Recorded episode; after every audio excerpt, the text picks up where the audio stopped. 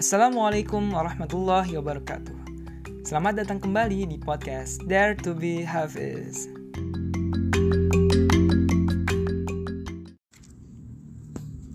أعوذ بالله من الشيطان الرجيم يا أيها الذين آمنوا اجتنبوا كثيرا من الظن إن بعض الظن إثم ولا تجسسوا ولا يغتب بعضكم بعضا أيحب أحدكم أن يأكل لحم أخيه ميتا فكرهتموه واتقوا الله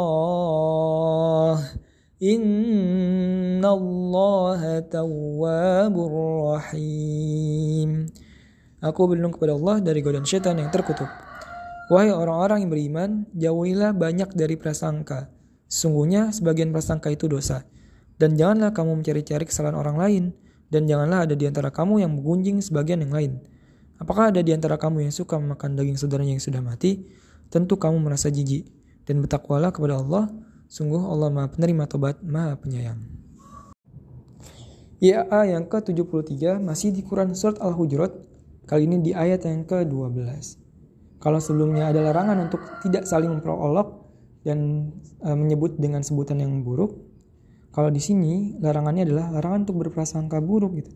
Karena sebagian prasangka itu adalah dosa. Kemudian di sini juga dilarang untuk mencari-cari kesalahan orang lain. Juga dilarang untuk menggunjing saudara kita. Itu karena di sini ya sering banget yang kita dengar gitu. Menggunjing itu itu ibaratnya seperti memakan daging saudara yang sudah mati gitu. Makan bangkai lah gitu istilahnya. Apalagi bangkai manusia.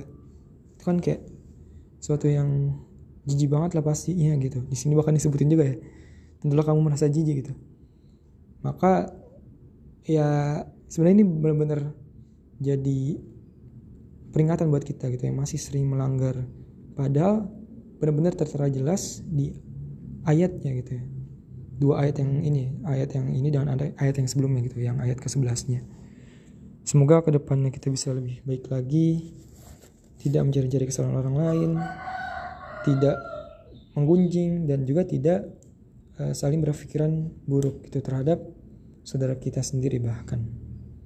Oke, mungkin itu aja. Assalamualaikum warahmatullahi wabarakatuh.